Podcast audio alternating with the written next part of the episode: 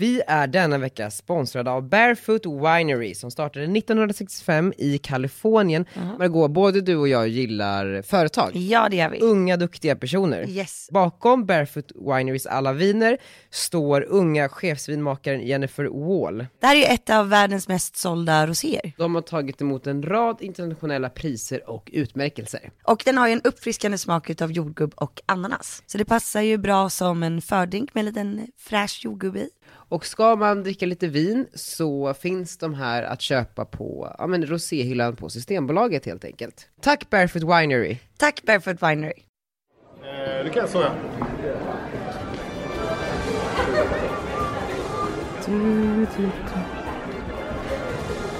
Är du på scenen nu? Eller ska vi göra en entré? Nej, ja, ni ska göra entré, men Ja. ni kan gå in nu redan och sätta Okej. sig lite i soffan så får ni se och känna hur det känns. Ja, men jag tar det i handen. Kom i handen. Ta Rickard, hjälp mig, hjälp rädd. Vi var ju på Postkodmiljonären. Vi var på Postkodmiljonären, Margot. Mm, wow. Luktade jag lite illa? Då eller nu?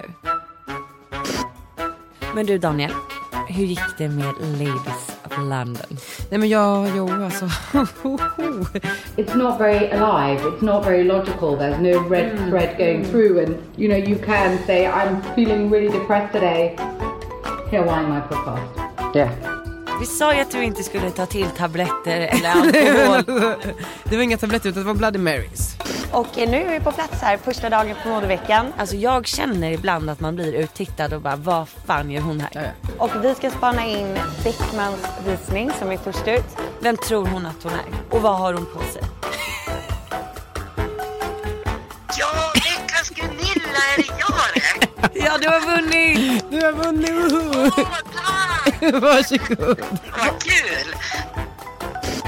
Alltså den lönen, jag vill bara säga den känslan. Ja, första, jag tror när man får det första jobbet som är heltid, då blir man ju, det är typ den bästa dagen i ens liv. Vi var ju på Postkodmiljonären. Vi var på Postkodmiljonären, Margot. Mm. Wow. Luktade jag lite illa? Då eller nu?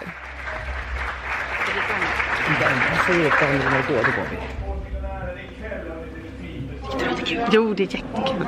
Jag är bara så nervös. Det luktar lite fisk. Daniel Redgert och Margot Dietz som kommer här! Var det du som pruttade ut? Jag kände att det luktade. Innehåll av det här. Hej, välkomna, välkomna. Eh, nej men jag har börjat äta, äta alger. Två gröna alger som är lite rensande, eh, renande. Eh, det var en upplevelse utöver det vanliga. Men det var extremt roligt. Jag är också väldigt nöjd med vår insats. Vi åkte ju ut, men det gör ju alla. Det är oundvikligt. Exakt. Och jag tror inte att vi gjorde bort oss så mycket. Alltså jag tyckte att Rickard Sjöberg var så jäkla trevlig. Nej, men det, var, det var typ det som jag mest tog med mig från den här upplevelsen. Vilken härlig man. Nej men han var fantastisk och eh, för att mm, ibland så kan man ju, alltså han är ju, verkar ju väldigt sympatisk även på TV, men sen så ibland när man stänger av kamerorna så kan ju människor gå in i liksom någon annan roll eller ens vanliga jag, men Rickard var ju bara så här god och glad rakt igenom. Jag tyckte att han var ännu härligare Ja. när kameran stängdes av. Absolut. Han Du drog- hängde ju i hans loge. Exakt, jag fick ju fixa håret i hans loge. Bara en sån sak, att han lät mig sitta där medan han stod och tittade på. Ja, den är så rolig. Det är din mest likade bild. Nej, min mest likade är när, när eh, min hund dog. Då la jag upp en bild på mig och Uffe. Nej, så dödsselfie. Nej, men jag måste fråga här. Då tar vi på plats. Ja. Rickard, är du taggad? Ja, alltid. Jag såg att han hade en hästens säng i logen. Hade han? Ja, så, säg- för- så det stack ut liksom hästens mönstret där under. Gjorde det? Tror du han sover där ibland? Alltså jag tror att han vilar, alltså mellan tagningar. Vila mellan tagningarna. Ja men det var precis, det var en upplevelse. Och det var ju det här, när de gör det du, du, du, du, och så är det alla strålkastare och sen så börjar klockan ticka typ. Och, och du var väldigt snygg Maggan, den fin, den här klänningen var väldigt... Eh, Tycker du? Ja den var väldigt Ja, men fin. tack. Då, alltså jag längtar tills det här ska gå på tv. Eh, Margot, jag tänkte så här, vi sitter ju på Acast här nu, några Mm. våningar upp i ett hus och eh, när jag tittar in på innergården här så ser jag eh, det som en gång i tiden var nattklubben Kåken. Mm. Kåken var ju ett ställe där jag var nattklubbschef på under eh, två års tid typ. Eh, mina främsta arbetsuppgifter var då att dra folk. Och det var ju lite jobbigt på typ så här onsdagar mitt i vintern när man stod där och, och liksom folk hade bättre saker för sig. Hur gammal Eh, var du då? Jag var, men kanske var så här fyra, fem år sedan. Eh, Ja. Och det var ju jättekul. Men det, då började jag tänka på så här, livet innan det här och karriären innan det här och, och liksom allt man har gjort för att någonstans leda upp till det, det vi gör idag. Eh, och då tänkte jag på, på dig, för jag, jag vet inte, jag tror inte jättemånga vet så mycket om vem du var innan du blev liksom eh, influencern Margot. Mm. Vissa har hört det kanske och vissa inte. Men hur som helst, hur det hela började var väl att jag, alltså jag har aldrig varit så mycket för att plugga. Nej. Ja. Nej, alltså det, och det märkte jag redan när jag var åtta tror jag. Alltså så här, andra året i skolan, jag kände bara det här, alltså så fort jag är klar med skolan då blir det inget mer. Det blir inget mer skola. någonsin. Nej. Jag var inte dålig, alltså absolut inte, jag hade jättebra betyg. Lärarna tyckte att jag pratade lite för mycket, var inte kanske jättekoncentrerad på lektionerna men allt var frid och fröjd. Eh, men eh, det här med att eh, tjäna pengar och hitta någonting som man brinner för. Det var liksom min motivation. Hitta någonting som jag tyckte var kul framförallt. Och det här var, när du säger att eh, du, du var klar med skolan, var det efter högstadiet eller var det efter gymnasiet? Ja men alltså jag har ju alltid velat jobba på sidan av. Första jobbet jag hade då var jag typ 11, 12. Eh, så då var jag gympatränare och tennistränare och det var ju inte mycket pengar man tjänade men då var det mycket när man var 12. Ja men alltså, vad har man för utgifter när man är 12? Nej men ingenting. Godis, lördagsgodis. Eh, och det var ju sjukt coolt att ens få in lite pengar. Ja. Och sen då på somrarna, kanske från att jag var 15 så började jag jobba i en glasskiosk. Och då var det öppna och stänga kiosken, sälja korv, käka glass. Och var låg den här kiosken? I Saltsjöbaden, Saltis där jag bodde. Och Jag tog över jobbet från min storebror som jobbade där innan. Ja, fint. Ja, jättefint. Vad, var, vad var timlönen? Eh, jag tror kanske 70 kronor i timmen. Inte det är ganska bra. eh, ja men då var det liksom fyra timmar om dagen och sen så Mm. alla kompisarna hängde ju där. Det var jäkligt kul. Eh, men, och då fick man ju lära sig mycket av det ansvar och så får man ju mer smak och man vill ju aldrig tjäna mindre pengar. Nej nej nej. Eller så var går det för inte. mig i alla fall. Ja. Att så här, gud, och jag tyckte det var så roligt också. Så jag jobbade ju mer och mer för varje sommar som gick. Och sen då när jag fyllde 18. Och hur många timmar jobbade du förra sommaren? Förra sommaren på glasskiosken. alltså om jag skulle få så hade jag ju gärna jobbat där. Men du vet att jag, jag vill ju jobba på McDonalds. Jag vet att du har jobbat där. Ja. Men jag fick ju inte jobb. Nej men De svarar inte ens med, det är svårt att få jobb på det är McDonalds. jättesvårt. Ja, det är skitsvårt. Nej men för precis, för mi- mitt första sånt där jobb var ju, ja men så här, jag hade, jag hade ju en dröm om att jobba också, jobba extra på så här ICA-lager eller eh, ja, men McDonalds för att alla i min bekantskapskrets eh, jobbade. Mm. Men jag, många fick ju också jobb via sina föräldrar som kände någon, som kände någon som kunde liksom ordna det för en. Jag hade ju liksom aldrig den, eh, men de möjligheterna att, att liksom mina föräldrar, skulle kunna gå den vägen. Vilket var, men det var ju kämpigt och då fanns det ju ett jobb man kunde få i Västerås som, eh, ja, men, där man utgick från sig själv istället för kontakter och det var ju McDonalds. På Aros kongresscenter i Västerås som en stor möteslokal så var det så här hel dag man kunde söka till, till McDonalds och så fick man gå olika steg. Eh, som först var det så här, hej och välkommen, varför vill du jobba här? Bla, bla, bla. Så fick man sitta ner med någon Sen så var det en liten, eh, komma vidare från den intervjun så blev det ytterligare en intervju Och sen så var det något test med sådana kulbrädspel som man skulle, du vet en kula ska ner genom Oj. en labyrint typ Ja, det Fast som man alltid spelar eh, efter på fritids. Ja men precis Ja, det, ja, ja. man typ tydligen var bra på eh, och det här var en process som den tog ju liksom, eh, när man klarade sig vidare första dagen så tog den flera veckor eh, Jag sökte typ, jag vet inte hur många gånger jag sökte och det var så jobbigt Hur gammal var du när du sökte första gången? Jag menar, då ganska, 16 kanske Ja det är väl typ då man får jobba på McDonalds. Ja, jag tror det. Och så, men då, och så tog jag med en kompis och, och så och eh, min kompis fick jobb men jag fick inte det. Och sen så var det jobbigt för det var ju sex månader till nästa gång. Och så höll jag på, men till slut så fick jag äntligen jobb på McDonalds. Du ville Eh, verkligen jobba jag där. ville jobba Ja. där. McDonalds skrapan i Västerås, eh, längst ner där, så jobbade jag oftast nattpassen vilket var från, eh, ja men ibland så var det så från 19 till 5 på morgonen, ibland kunde det vara från 2 på natten till 5 på morgonen. Och det var så jävla osoft tid. Och stå där, så jag jobbade där varje nyår, varje liksom så här eh, helgkväll och jag fick, jag vet inte hur många cheeseburgare jag fick i ansiktet. För det är ganska hetsigt med alla de här fyllekajorna som kommer in och ska ha mat på natten. Ehm, så höll jag på, så de svarade absolut mig. Men glasskiosken hade jag inte. Nej. Men bra jobbat att du fick jobbet, att du var ihärdig. Ja, men man måste vara ihärdig. Ja. Fan alla som lyssnar, jag måste bara så här, kör. Alltså, kör och kör och kör och testa och testa och testa och bara så här, för till Ge inte slut upp så... på jobben. Nej men alltså man hade ju velat ha någon som sa det till en back in the days när det var som trögast. Absolut, alltså verkligen.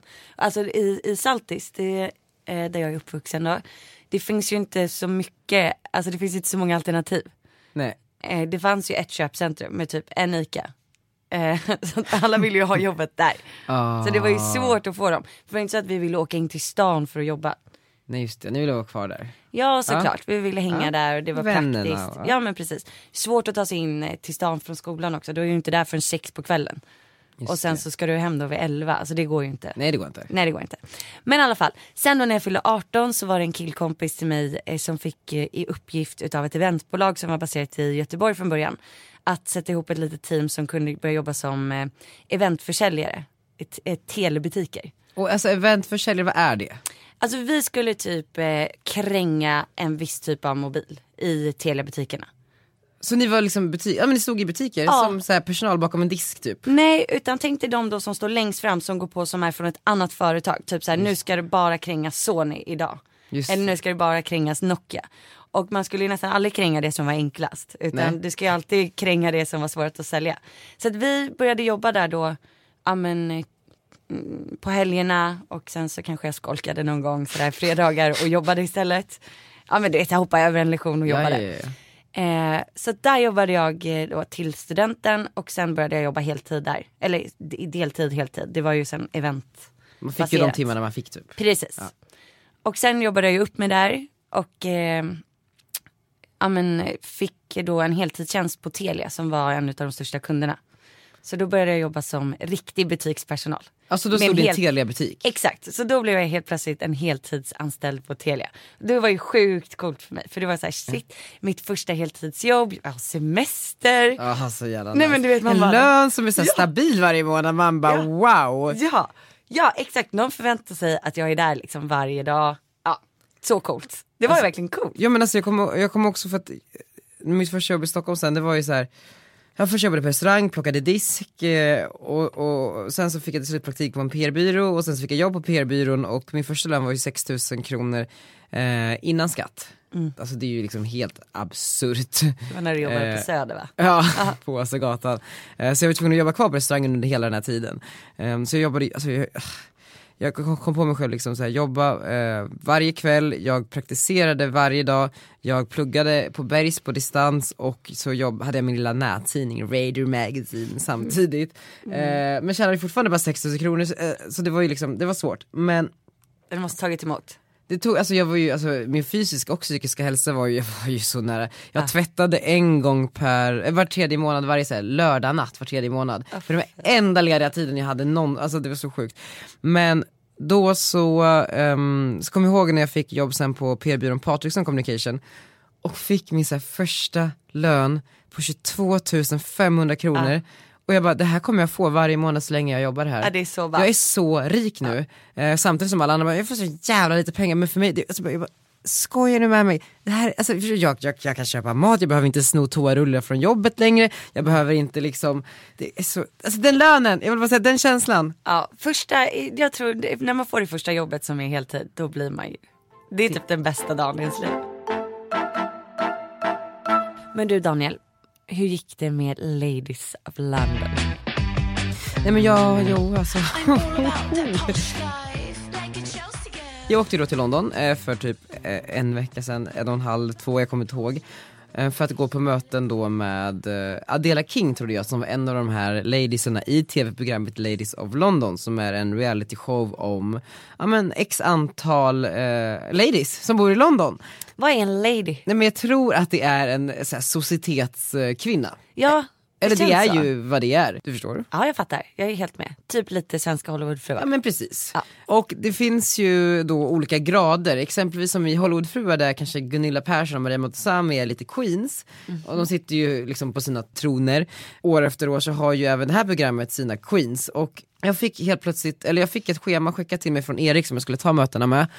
Där det, eh, ja det är ju det, är Gunilla efter Gunilla, det är, det är, det är Hagga efter hagga. eller lady, lady efter lady. Då skulle vi alltså träffa typ väldigt många ur den här eh, casten helt plötsligt och jag blev ju så nervös och hjärtat började banka. Jag var tvungen att beställa in två till eh, eh, Bloody Marys och eh, ni vet förbereda mig mentalt inför Vi sa ju skulle... att du inte skulle ta till tabletter eller alkohol Daniel. det var inga tabletter utan det var Bloody Marys. Okej.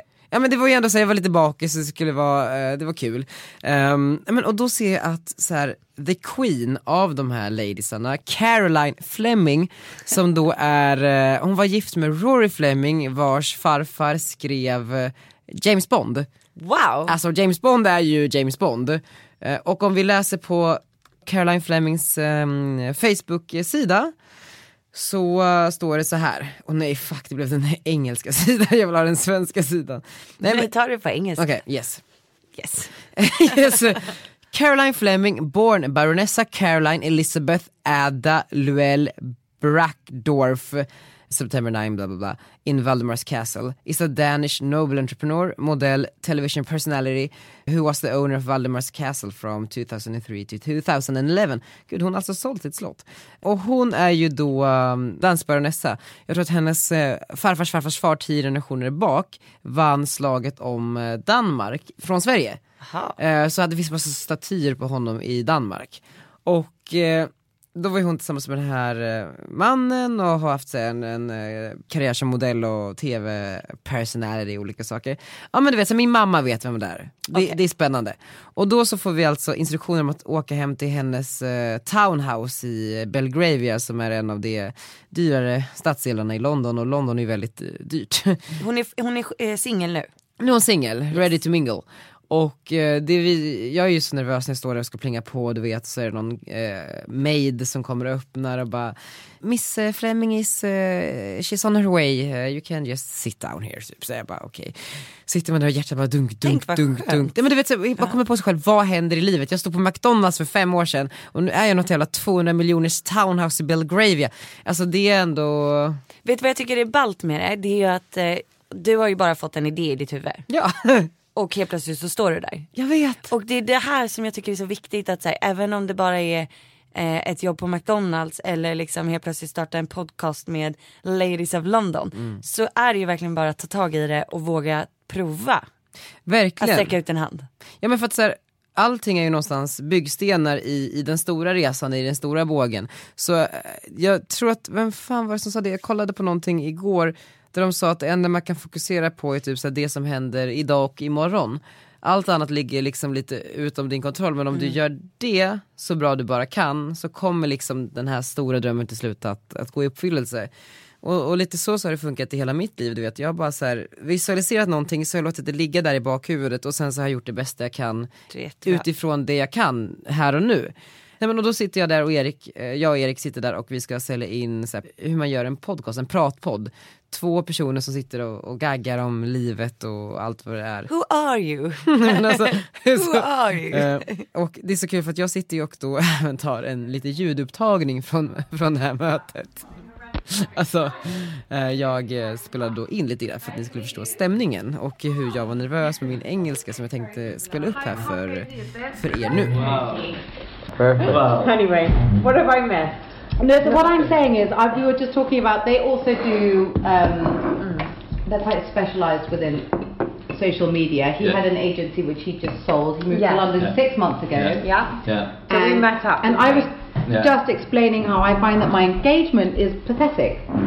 And what they Right. were saying is because it's it, it, it, it's it's not very alive. It's not very logical. There's no red mm. thread going mm. through, and mm. you know you can say I'm feeling really depressed today.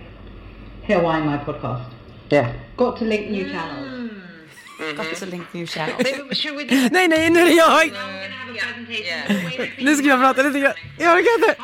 Okay, so my name's Daniel and I live in Sweden uh, and my background is PR uh, for the last seven years and I've done everything from Fashion Week in Sweden to, to the Swedish Grammy Awards and then I worked at a company where we were really like specialized in podcasts uh, and... Uh, Nej, jag klarar inte av det. Jag klarar producing inte Nej men du, du, du Swedish får bjuda podcasts. på det där. Gud okej, jag måste ha en paus. Jag måste ta en paus. Men det är exakt det här alla vill höra. Okej. Hur går det till när du sitter där med Bloody Marys Ja. innanför västen. Så nervös. Nej. We were producing some Sweden's biggest podcasts. Uh, and uh, uh, like When it's big, how many listeners do you have? I have.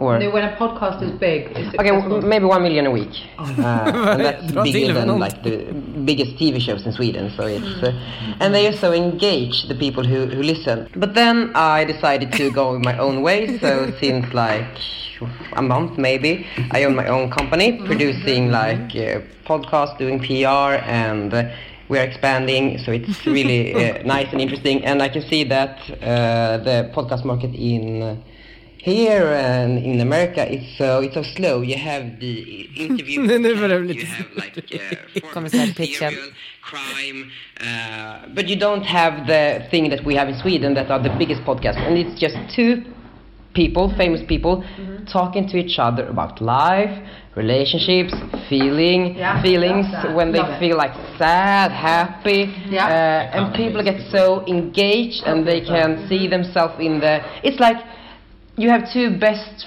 friends in like theirs every week. Uh, How often do, do they film? once a week. No What? film. You Oh, yeah, you yeah. Uh, record. Yeah. just speak, basically. Just speak. Uh, like. Måste vi lyssna, det är plågsamt. So you maybe come up with three subjects. Jag orkar inte mer. Maggan kan vi stänga av? And Ja you men nu, nu Kan- kan vi det kan stänga jag av. säga. Men varför pratar du så snabbt? Eller så, du vet, varför kunde jag inte bara vara lite mer så här och inte säga like tusen miljarder gånger? Men det där tänker bara du själv på. Men det vet du vad? Kontentan är ju att det där var jättebra. Och de ville ju köra podcast. Och nu har de ju spelat in ett avsnitt. Jag tyckte det var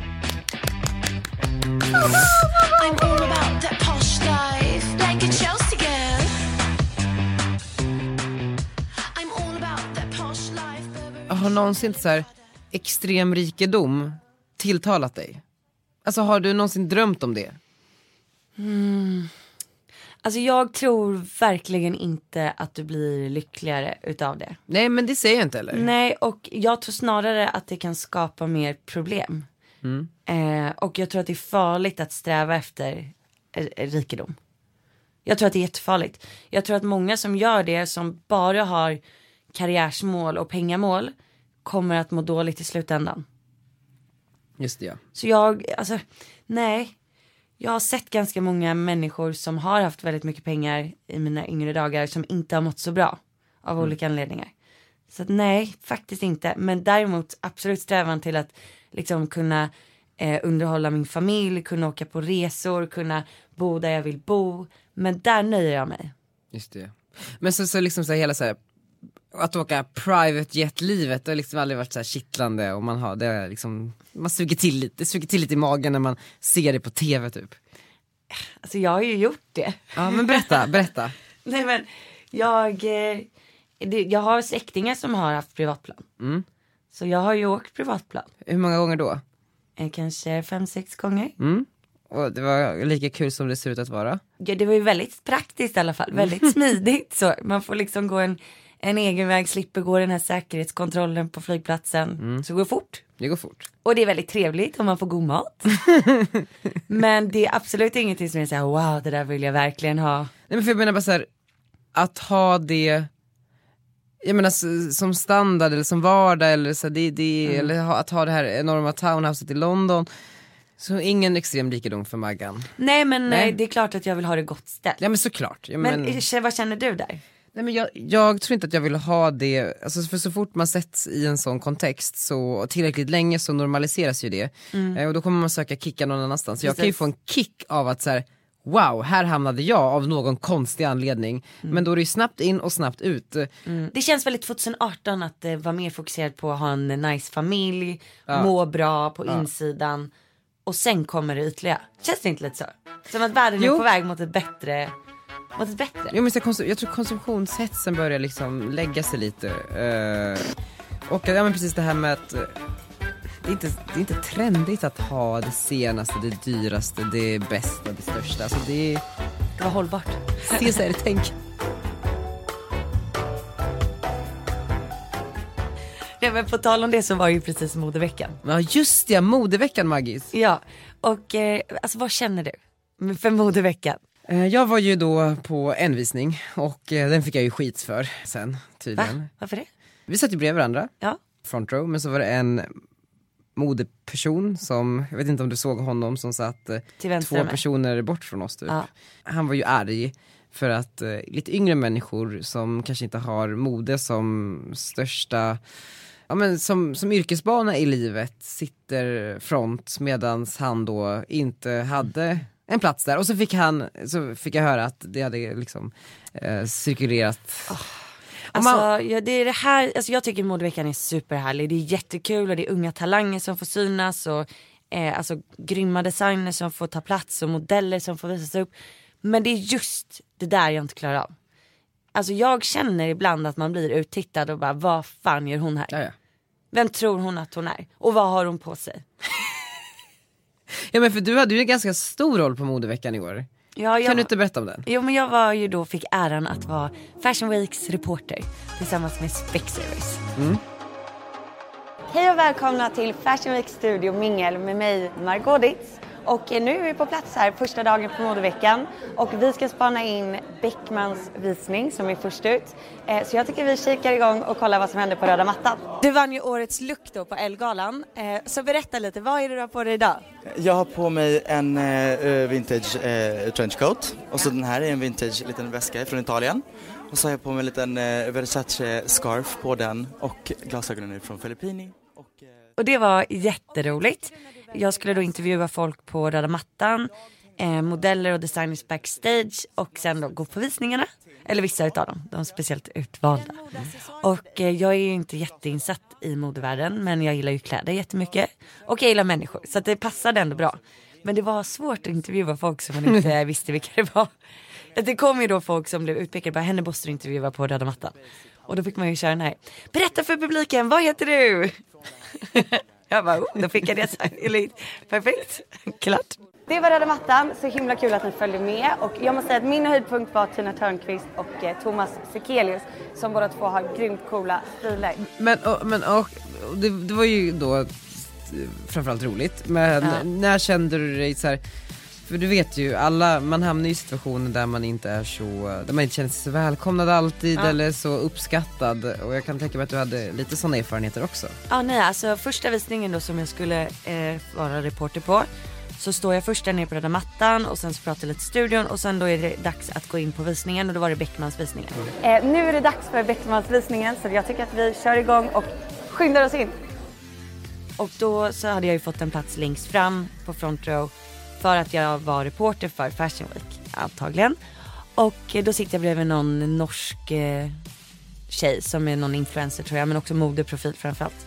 Och då kommer ju någon eh, person, någon viktig person då och bara vem fan är du? Alltså kommer fram och bara eh, ska, ska du verkligen sitta här, vem är du?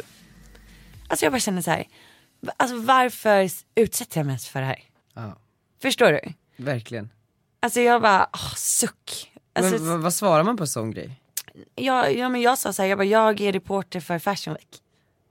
Och hon typ svarade inte ens på det, kollade bort, gick med den där personen då som hon ville sitta någonstans längst fram.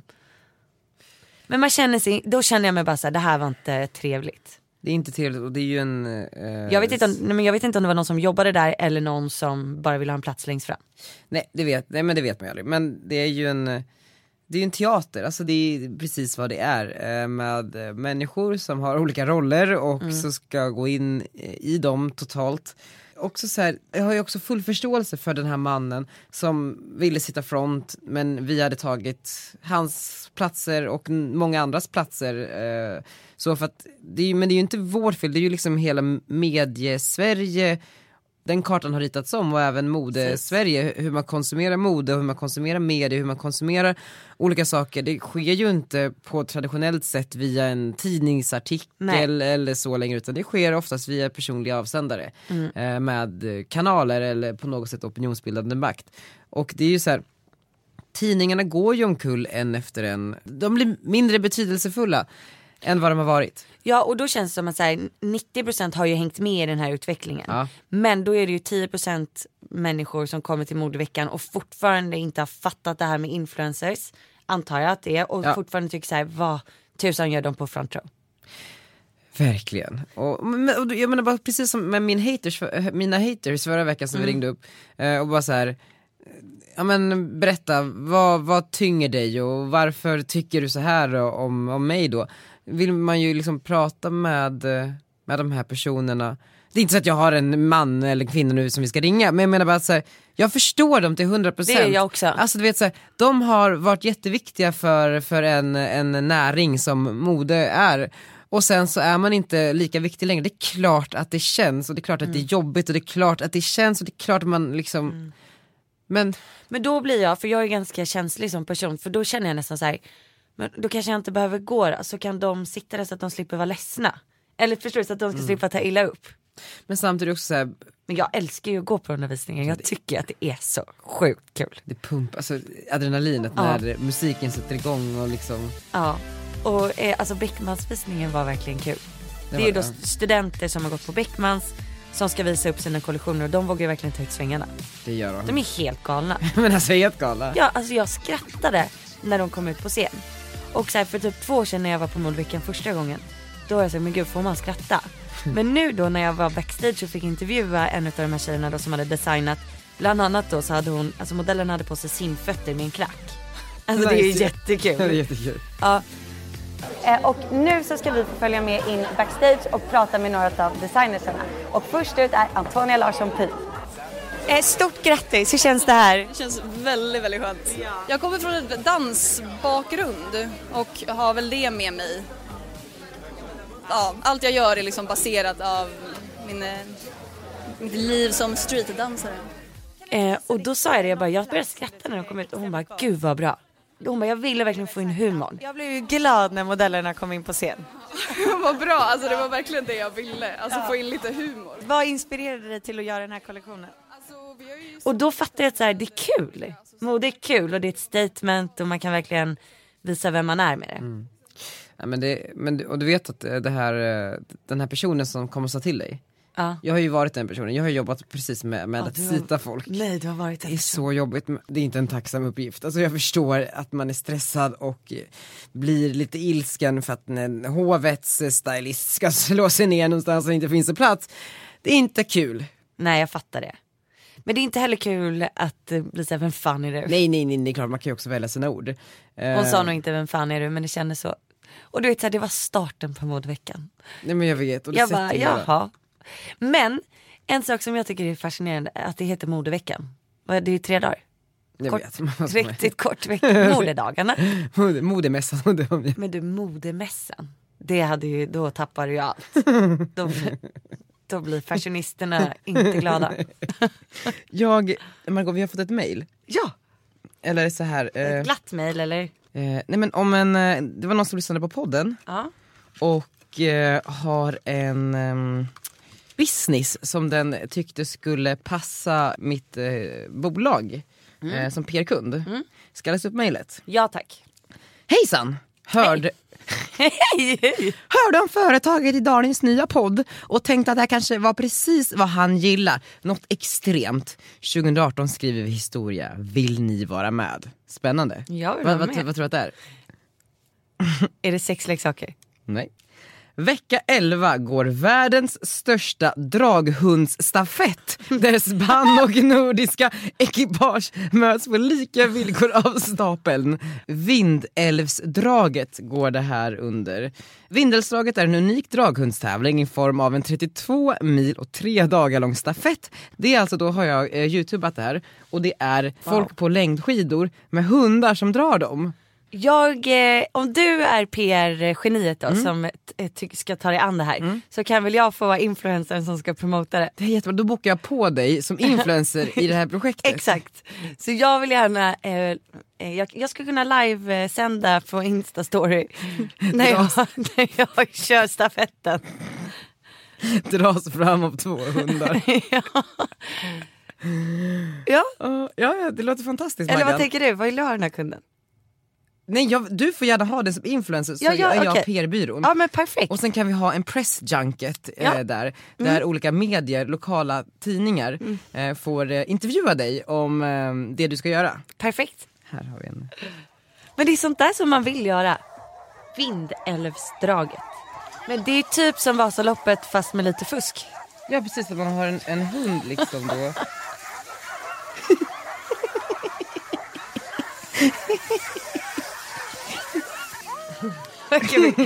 Jag ser mig så här hur någon Stockholmstjej kommer upp med någon liten chihuahua. men, men förstår du att vi, att någon här lyssnar på den här podden, är inte det spännande? Det är jättespännande. Det är jätte, jättespännande. Ja. Nej men så vi får helt enkelt ta och se om det här blir ett projekt för Edgar Koms. När är det? Eh, Det är då den art- eh, 18 mars. Vi kanske kan livepodda därifrån. Hur kul? Ja, så kul. Har du fått några kul så här mejl efter den här podden? Alltså det är så sjukt. Jag får inte ett enda mejl om den här podden. Men kan inte ni snälla mejla mig om podden? Snälla där ute. Jag hörde att jag nästan förväntade mig att få ett svar Verkligen. direkt. Nej men det vore kul att få lite mejl, lite feedback. Eller inte feedback, mer typ såhär, det här vill vi att ni ska prata om. Eller lyfta framförallt. Kan ni snälla prata lite mer om Vindelälvs, eh, vad heter det nu? Vindälvsdraget. Däremot så fick jag en, en, en kund som ville att vi skulle promota lite sexleksaker tror jag. Ja, berätta Ja. mer om den. Ja. Mm, vad känner du? Rent spontant. Vilka kunder skulle du vilja ha i podden? Jag tycker det är så synd att det är ju många så här, marknadschefer som lyssnar på det här. Alltså du vet som är insatta i hela så här, poddvärlden och, och så. Men de hör inte av sig. Nej. Nej men det är väl, eh, men det är väl typiskt eh, svenskt. Alltså det? man väntar hela tiden och sen så helt plötsligt så blir man av med sin chans. Man, men verkligen, man, man är inte proaktiva. För att Mm. jag, jag hade nämligen en idé om en, vi pratade ju mycket om hur det är ehm, att jobba som ung och få sitt första jobb och liksom hur man ska tänka. Så jag har ju både hört av mig till en eh, restaurangkedja ja. som, jag tyckte skulle gå in eftersom att vi pratade om den restaurangkedjan. Jaha, här i podden? Mm. Ja. Eh, och de sa inte nej, men det tar ju ett litet eh, tag här i Sverige. Ja. Och sen så tänkte jag också att det hade varit kul med att prata med någon som kan det här om eh, arbetsmarknad. Så jag har ju mejlat Ylva Johansson, vet du vem det är? Nej.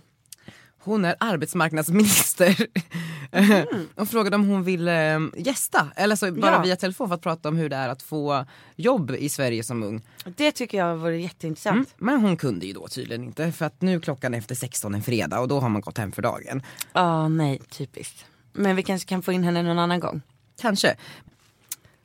Du har inte så stor, stort förtroende för våra politiker? Eh, nej, eh, eller alltså så här, det är klart att de som är kanske lite mer framstående, alltså Mm. de som leder, såklart att de måste ha någon typ av ambitiös inställning till sitt jobb. Men jag menar bara, så fort man kommer lite längre ner i ledet så tror jag att det blir väldigt trögt. Ja, det blir trögt. Att det tar lång tid för beslut att tas. Ja, och jag, du håller ju på med politikerna nu. Mm. Ja. Eh, så du, eh, vad är din...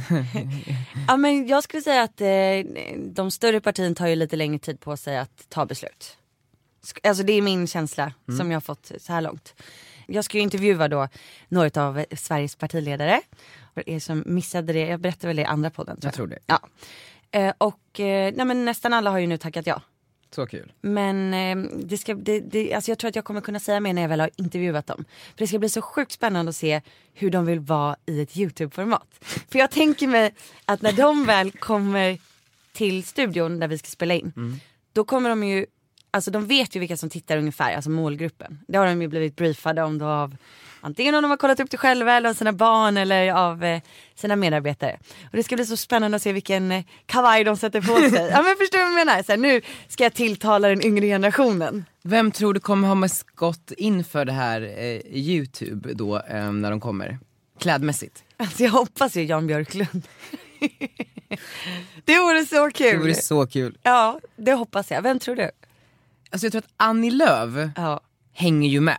Oh ja. Det är, det är någon piffig kavaj och du vet hon har tänkt till och eh, representerar gärna eh, profilstarka varumärken. Ehm, så att hon, eh, hon fixar lite goodwill och eh, hoppas eh, på marknadsföring i utbyte. Mm. Och det är ju jättebra. Jag, jag åt faktiskt frukost med hon som är, Hanna heter hon, som är språkrör för Miljöpartiets ungdomsförbund eh, i morse. Mm. Och hon berättade också att Centerpartiet är så jävla rika. Annie har så mycket pengar. Alltså så mycket pengar. Hon lägger ju 70 miljoner nu på deras eh, valkampanj. Det är inget annat som parti som kan göra det. Eftersom att hon, eh, Centern ägde tydligen en massa tidningar tidigare som de sålde av. Typ alla de här mitt i tidningarna. Jag vet inte om det här är exakt korrekt information nu men eh, så att de typ sålde det och fick massa pengar och därför kan Annie typ så här, Köra hårt. Ja men så här, köpa kanske lite poddspons. Ja, spännande. Jättespännande. Men du, eh, följer du Annie på Instagram? Eh, ja det tror jag i alla fall. För att hon uppdaterar ju typ mer än Isabella Löwengrip. Gör hon det? Ja. Jag tycker det är så intressant. Och de två, de gästspelar ju hos varandra ganska ofta också. Ja det gör de. Det tycker jag är kul. Annie är smart. Ja men Annie är smart. Ja, men jag gillar när partierna blir liksom mänskliga. När de hamnar Mm. i eh, miljöer där man, där man bara, ah okej. Alltså man förstår lite mer. Det är kul. Och när, just med Annie så, hon uppdaterar ju så mycket så att man får ju verkligen en annan, ja men du, du, du ser vad hon gör om dagarna. Känner Hon du någonsin att ögonen blöder för att det är så mycket? Nej jag älskar det. Jag känner mer shit vad hon jobbar. Eh. Nej men det ska bli spännande. Mm. Eh, Annie Lööf tror jag, att, jag tror att du har helt rätt att hon kommer eh, verkligen gå in i YouTube-rollen ordentligt. det tror jag. Hon har till och med, för att jag ska ju då göra en challenge med varje partiledare. Mm. En challenge är ju en eh, ja, men säg, känd grej som youtubers gör med varandra och utmanar varandra. Och det ska jag då göra med partiledarna. Och hon har redan gått in för då och valt en egen challenge. Vad? Nej men jag vet inte om jag ska säga det riktigt än. Men har det med typ så här, just någon ledtråd. Okej, jag skickade ju då en, eh, en powerpoint eller en pdf. På vad youtube är typ. Nej men en pdf till alla partiledare som var utformade efter den partiledaren. Med då så här, det här är det vi kommer göra, det här vi kommer prata om ungefär. Och eh, sen kommer du att få göra en challenge med mig. Här har du 12 stycken att välja på men du kan även välja en egen challenge som du har hittat på. Och eh, Annie har då valt själv. Hon valde ingen av dem som stod med på pappret. Älskar. Älskar Annie redan. Och vad valde hon då? Alltså någonting, just något. Jag kan säga att det kommer innefatta barnvisor. Nej men sluta. Nej. Det kommer bli skitkul. Hon ska typ sjunga. Nej alltså det är en challenge, det är en utmaning. Men måste hon utmana någon annan då? Typ Alltså, så det är här mig. Ebba Busch Thor? Nej, Ja, men, ut- det är, vi har en tävling, yes. yes. Så Elin då som jobbar hos mig kommer att få utforma tävlingen.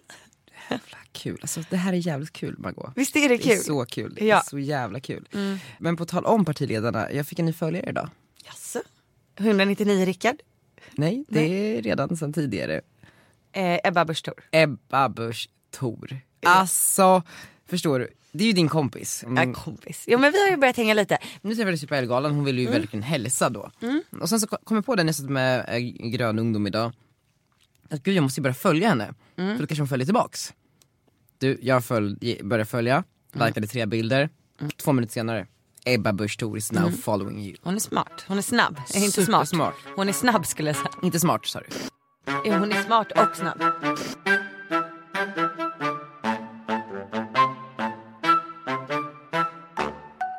Som sagt vi pratade ju eh, om det här med att eh, eh, jobba och jobba som ung. Ja.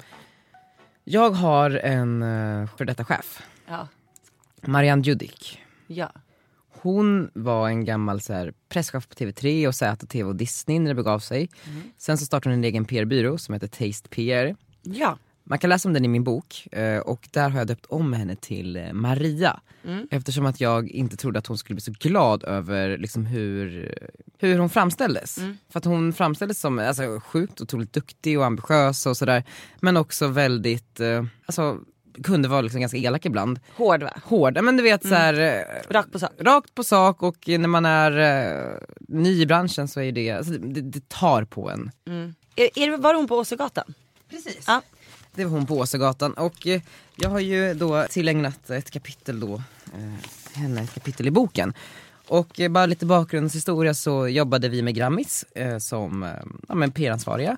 Och min roll var ju då, som jag berättade i en tidigare podd, att bära jackor, eh, kändisars jackor och också eh, ta, liksom följa körschemat. Och i körschemat så stod det exempelvis att jag skulle bära glas från ett ställe till ett annat. Och efter varje ehm, gala var avslutad och tv-kamerorna hade slocknat så skulle alla så här volontärer med mig i spetsen bära upp 12 ståbord på stora scenen för att där skulle hela svenska presskåren komma och göra intervjuer med de artister som hade vunnit. Och enligt tradition då på Grammy så ger man alla artister en flaska champagne var och x antal glas så att de kan dricka. Och då beskriver jag det här i, i boken. Galan flöt på bra och artisterna som hade vunnit var otroligt glada. Veronica Maggio var pisspackad och Gry Forssell sprang omkring med sina internationella DJ-kompisar Axwell och Ingrosso. Som jag senare förstått att hon känner eftersom att hennes man, Alex Kosik, är manager åt Axwell. Så jävla mycket namedroppingar. Eh, när tv-kamerorna stängdes av skulle alla vinnande artister upp på scen för att ta en gruppbild. Medan den svenska presskåren intog sina positioner skulle vi på tre minuter få upp champagne och 18 ståbord på scenen som alla vinnare i respektive kategori skulle samlas vid. Maria, ja, Marianne då, övervakade sina underlydande medan vi bar upp allt. Bord, champagneflaskor och skyltar. Var i helvete är glasen din inkompetenta jävel?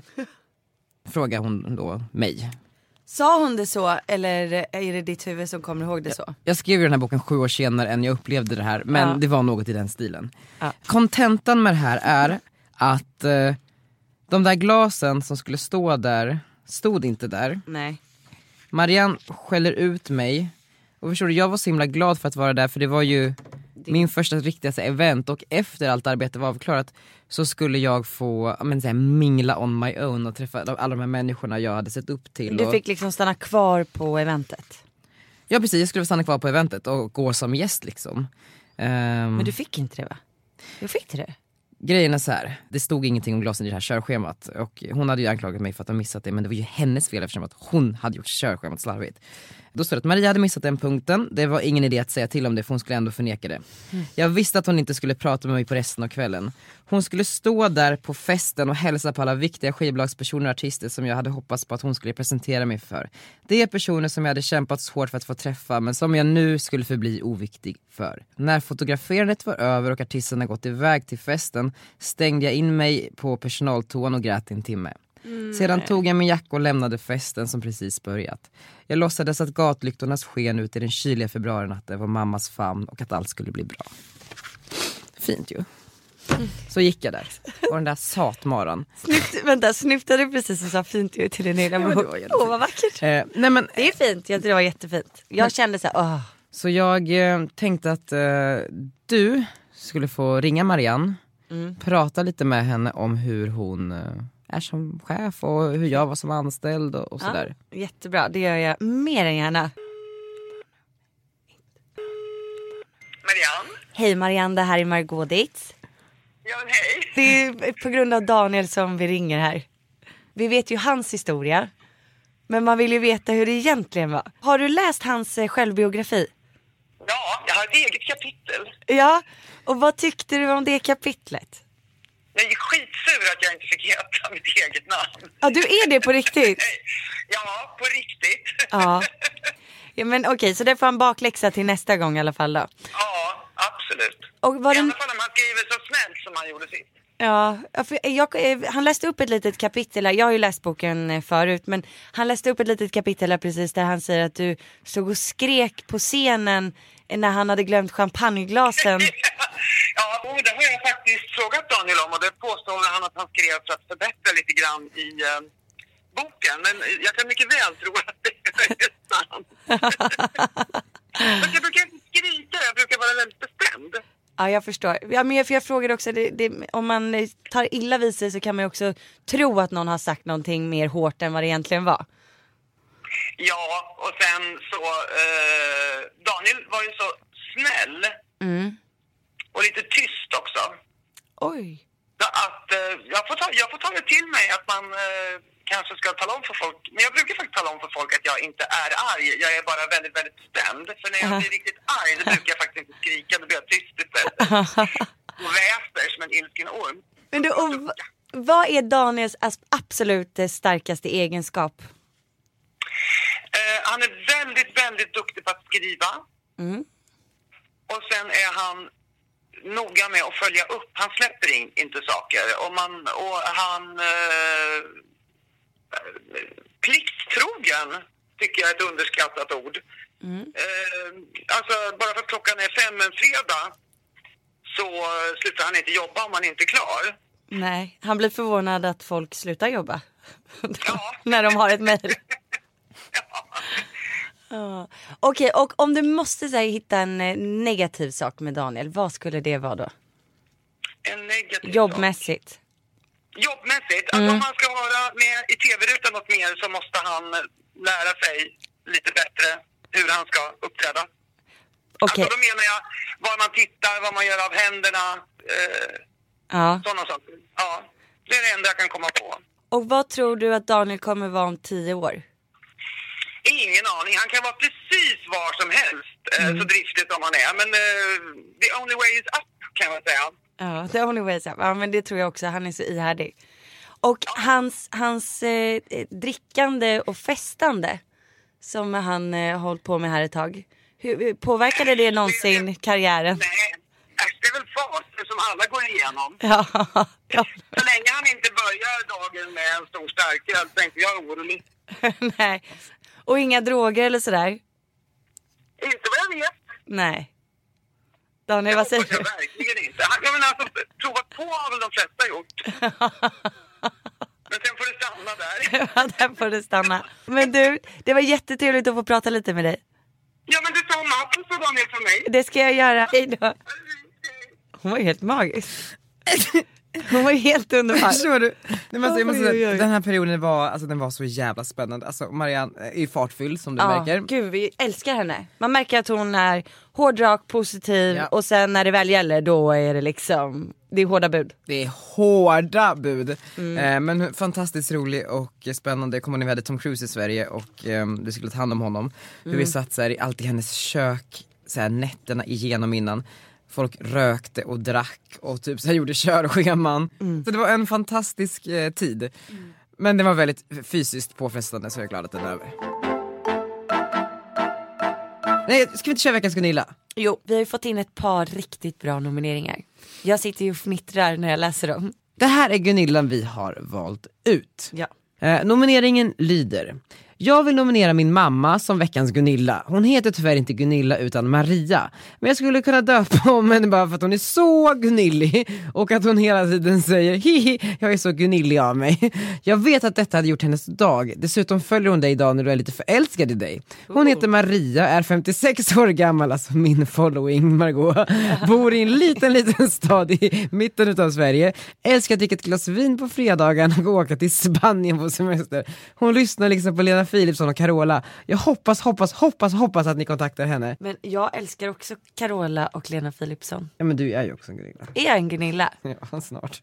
Snart. Dotter Elinor har nominerat Gunilla. Hej, det är Maria. Hej Maria, Daniel Redgert heter jag. Ja, är det du? Ja det är jag. Ja. Ja. Nej men eh, jag sitter här med Margot Ditz, eh, min, eh, vi har en podd tillsammans, har du lyssnat på den? Jajamän. Ja, vad tycker du? Skitbra. Ja. Gud vad glada vi blir. Eh, Din dotter Elinor har ju nominerat dig till veckans Gunilla. Ja, veckans Gunilla, är det jag det? Ja du har vunnit! Du har vunnit! woho! Åh, tack! Varsågod! Vad kul! Tack! Varsågod. Vad är, vad är det mest Gunilliga du någonsin har gjort? Man tar ju vara på dagen och Det är riktigt gunilligt att göra. man, ja, alla som man tycker om och försöker Ja. göra något kul och så. Precis. Och pyssla om alla lite sådär och, och ändå ha lite kul. Försöka Ja. hänga med. Pre- Precis, men, och, och pyssla om lite hemma också, i trädgården kanske? Ja, det gör jag ju på sommaren då. På sommaren. Va, hur ser en perfekt lördag ut för dig? Om man har kommit säng i tid på fredag Mm. och så kan man bara, eller vad, ja det gör ju samma, man vaknar upp på lördag morgon, så här kanske vid åtta, Ja. går ner, kokar kaffe, går upp i sängen igen med kaffe och lägger sig och kollar eh, på någonting. Ja, jag, jag, jag lyssnar eller jag tittar på, vad heter hon, kollegan dins eh, vlogg också. Ja, på min Ja, vlogg. Margaux vlogg. När hon har varit i Sydafrika. Ja, vad roligt, vad roligt. Ja, eller så lyssnar jag på nya poddar som har kommit som jag följer. Jaha. Men inte Nyhetsmorgon eller sådär? Nej, för fan, det, det tittar jag inte på. Nej, vad bra. Då, då ska det vara något viktigt. Ja. Ja, Är du en sån som typ åker på Let's Dance och tittar? jag har aldrig varit live och tittat, Nej? Men jag tittar hemma. eh, och eh, då undrar jag också lite så här, du har ju eh, Lena Philipsson och Carola. Eh, Det, det är två av dina eh, stora liksom, idoler när det kommer till musik. Carola sjunger ju jättebra, men jag Ja. tycker det är mer fart på Philipsson. Ja, det är fan fart i båda. Och nu ska vi åka till Järvsö, el, vad är det, 10 augusti och titta på GES. Jaha, det är också jättegnilligt. Men det är härligt. Ja, det är kul så. Eh, det, har, men då kanske ni kan passa på att besöka Lill-Babs café här uppe i Järvsö. Ja, jag har varit dit en gång. Var det bra? Eh, ja, det var det faktiskt. Det Ja. tycker jag. Ja, kul. Mm. Och hur ska du fira det här då? Det är kanske, man får ju inte riktigt någonting när man blir Veckans Gunilla, förutom äran. Men, Det, ja. Kanske en kopp kaffe eller någonting? Fira med? Jajamän, jag åkte hem från jobbet nu vet du. Ah, vart jobbar du? Pensionsmyndigheten. Ja. Så att ni tar väl hand om era pensioner ni som har egna företag. Ja. Det gör vi, det är viktigt att tänka på det. Om man är anställd då har man ju tjänstepension, då sköter ju arbetsgivaren det. Just ja. Men som egenföretagare är det jätteviktigt att sätta undan. Det är nu vi börjar. Det, alltså förstår du? Det står jättebra på hemsidan om eg- egna företagare hur man ska bete sig för att ha den här förmånen som vi som jobbar har som inte vi behöver tänka på så måste ju ni göra det själv. Just det, ja. Ja men eh, det var ett par kloka, alltså gud jag vill bara säga ett par kloka ord Gunilla men du heter ju Maria. Eh, men eh, hälsa din dotter Elinor och vi är så glada för att prata med dig och ha det fantastiskt uppe i Järvsö. Tusen tack för att du var med. Ja men tack så mycket, jättekul! Ja. Det här glömmer jag aldrig. Ja men vad kul. kram. Ja, Kram kram. tack ska du Kram kram! Hej då, Maria. Ja, Hej då, hej! Så jag blir så lycklig. Människor är så fina, hon är så fin. Vet du vad jag skulle vilja göra? Förstår du att samla alla Gunillor som vi har pratat med i podden. Och göra ett event. Och så tar vi en riktigt härlig artist Ja. som kommer och uppträder. Ja. Och så livepoddar vi. Alltså det är så, vi måste göra det, det är så fint och det var väl allt för den här gången. Glöm inte att mejla veckans Gunilla. Just det, nominera din Gunilla på veckans Gunilla. Eh, följ mig på Instagram, där heter jag Daniel Redgert. Eh, och sen så kan ni ju köpa min bok Vem fan är han? Är det någonting du vill promota? nej. Puss och kram. Puss och kram.